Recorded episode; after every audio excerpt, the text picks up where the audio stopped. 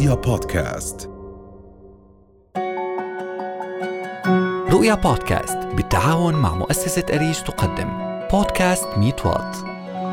قصص جديدة لواقع حقيقي.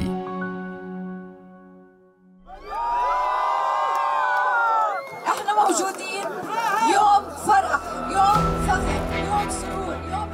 في تشرين الثاني نوفمبر من عام 2019 احتفلت البتراء بالزائر رقم مليون في عام واحد وأصبحت السياحة تمثل الدخل الرئيسي لنحو 80% من سكان الإقليم. ومع ظهور جائحة كورونا تراجع العدد ليصل إلى نحو ربع المليون في عام 2020 ليفقد العديد من السكان مصدر دخلهم الرئيسي. وفي مقدمتهم سائقو التاكسي الذين ساءت أحوالهم المعيشية وتراكمت عليهم الديون. نتيجة توقف عملهم وعدم قدرتهم على سداد قيمة الضمان اليومي المرتفع الذي لم يراعي الظرف الاقتصادي العام للدولة. بلدنا معتمد على السياحة درجة أولى والشغل ما فيه. ضررنا بشكل مش طبيعي يعني بطل واحد يقدر يصرف على حاله من وراء هاي الجائحة اللي مرت علينا. علينا كمبيالات يعني 500 و600 700 بعض التكاسي. فكيف أثرت جائحة كورونا على سائقي التاكسي الأصفر؟ وهل تدخلت الدولة لحماية السائقين؟ ومتى يسترد قطاع النقل عافيته بعد رفع الإغلاق وبشائر عودة الزوار إلى البتراء؟ تاكسي! السلام عليكم. وعليكم السلام. وين بدك تروح يا خالد؟ بدي أروح على السوق. ذهبنا إلى مدينة البتراء والتقينا عددا من سائقي التاكسي لسماع شكواهم لنعرف منهم عن قرب المشاكل التي يواجهونها بسبب الجائحة وحجم المعاناة التي يعيشونها.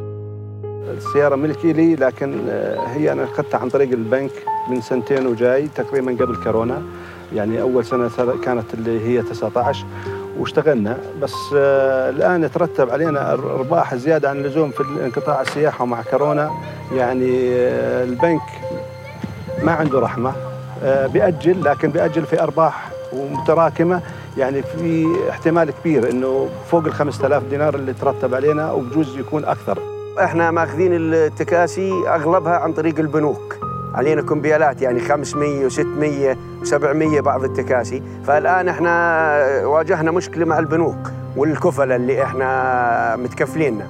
أنا كنت مضمن سيارتي قبل جائحة كورونا ب 450 دينار. آه بعد جائحة كورونا يعني وصلت تقريبا 150 دينار ضمان السيارة. يعني عدم المؤاخذة أنا كمبيالتي لا تقل عن 600 دينار في البنك. لا في ولا أي مسؤول في البلد من مدير إقليم أو أي جهة معينة إنه التفت إلنا وبصراحة مرت علينا ظروف سنة وتقريبا أربع أشهر إحنا مش قادرين لا ندفع كمبيالات ضمان السيارات مش قادرين ندفع. الشغل الم- المواطنين داخل البلد خف علينا كثير. ضررنا بشكل مش طبيعي. يعني بطل واحد يقدر يصرف على حاله من وراء هاي الجائحة اللي مرت علينا. بلدنا معتمد على السياحة درجة أولى والشغل ما فيه. فنتمنى من الجهات المختصة أنه تدعمنا تدعم التكاسي بشكل خاص لأنه كثير تضررنا من السياحة.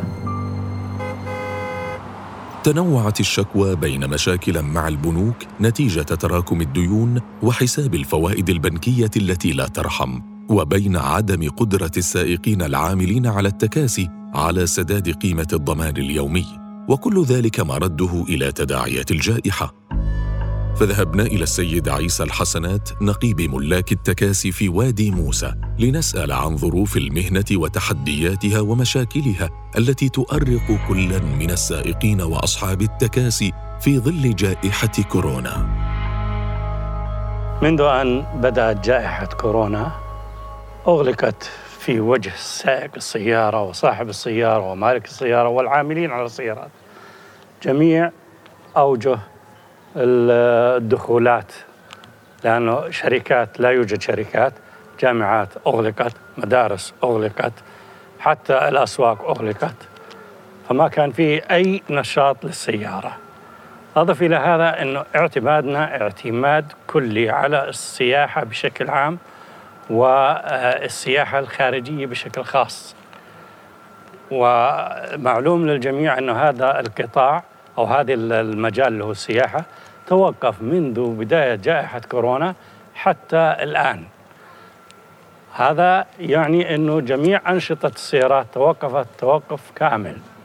السيارات أقل سيارة سعرها خمسين ألف. تدفع ضريبة تدفع ترخيص تدفع كوميسيون. هناك من السيارات الكثير من السيارات مديونة للبنوك. لم تستطع أن تدفع الكمبيالات المترتبة عليها. حتى البنوك والدعايات اللي طلعت إنه البنك بده يأجل والبنك بيساعد الاقتطاعات تقتطع من صاحب السيارة إذا كان له راتب وإذا ما كان له راتب تقتطع من الكفلاء. هذا جعل عبء وحمل على صاحب السيارة إنه لا يستطيع أن يعيل عائلة في مثل هذه الظروف.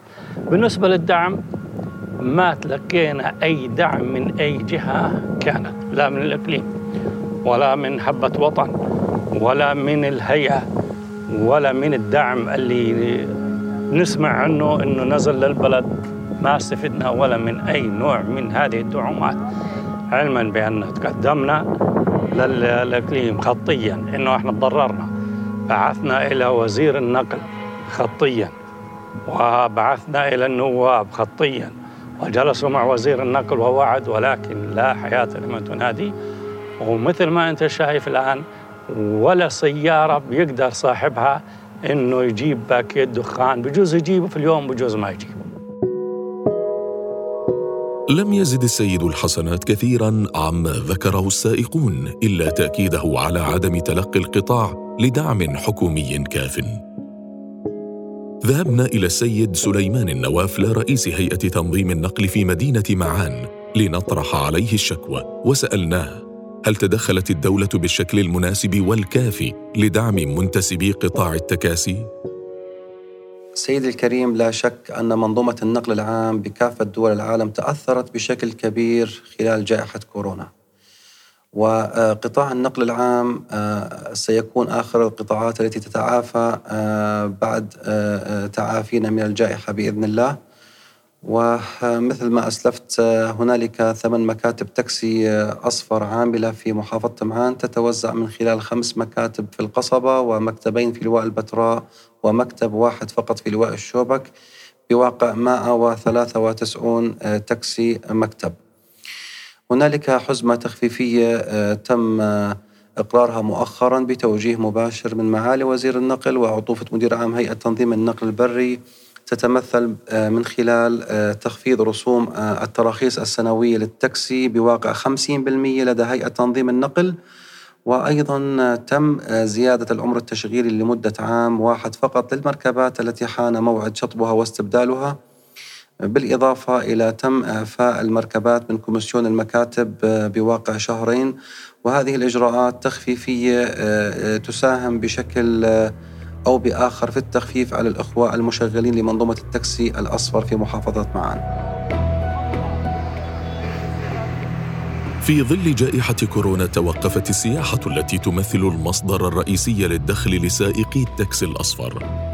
فتردت أوضاعهم المعيشية ودخلوا في دوامة من المشاكل مع البنوك ومع أصحاب التكاسي بسبب عدم القدرة على سداد قيمة الضمان اليومي. ولم يحصلوا على أي دعم من الدولة إلا القليل الذي وصفه السيد سليمان النوافلة بالإجراءات التخفيفية التي يرى السائقون أنها لا تسمن ولا تغني من جوع.